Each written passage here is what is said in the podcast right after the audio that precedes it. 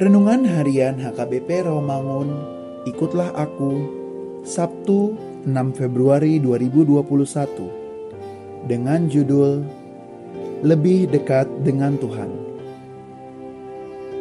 Bacaan kita pagi ini tertulis dalam Yesaya 46 ayat 1 sampai 13. Bacaan kita malam hari ini tertulis dalam Matius 12 ayat 9 sampai 14 dan kebenaran firman Tuhan yang menjadi ayat renungan kita hari ini tertulis dalam Yeremia 1 ayat 19. Yang berbunyi, Mereka akan menerangi engkau, tetapi tidak akan mengalahkan engkau, sebab aku menyertai engkau untuk melepaskan engkau. Demikianlah firman Tuhan. Yeremia dikenal sebagai seorang nabi untuk bangsa Israel. Ia dipanggil menjadi nabi oleh Allah ketika dirinya masih sangat muda.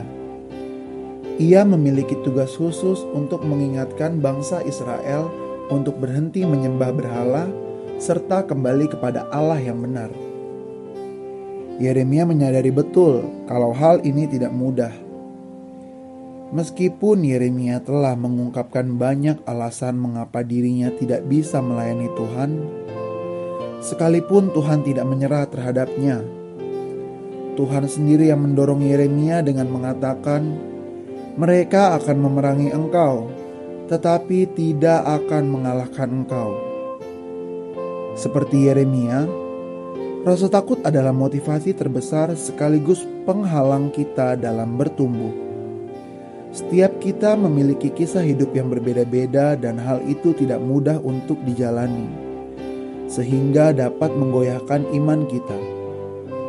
Alkitab mengajarkan bahwa permulaan hikmat adalah takut akan Tuhan dan mengenal Yang Maha Kudus adalah pengertian. Amsal 9 ayat 10. Sudah seharusnya kita membiarkan iman kita yang mengatasi segala ketakutan dan taat terhadap kehendaknya.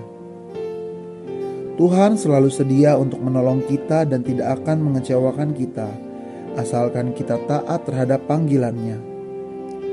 Dengan iman kita, kita bisa memiliki keyakinan di hati bahwa Tuhan akan selalu memberikan jalan keluar bagi anak-anaknya yang dekat padanya.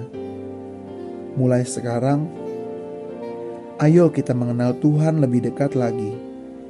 Ketika hubungan kita dengan Tuhan tumbuh, maka kita akan makin dewasa di dalam Tuhan. Marilah kita berdoa. Tuhan Yesus, ajar kami memiliki hati yang sungguh mengenal Engkau agar kami tahu apa yang menjadi kehendak-Mu dalam hidup kami.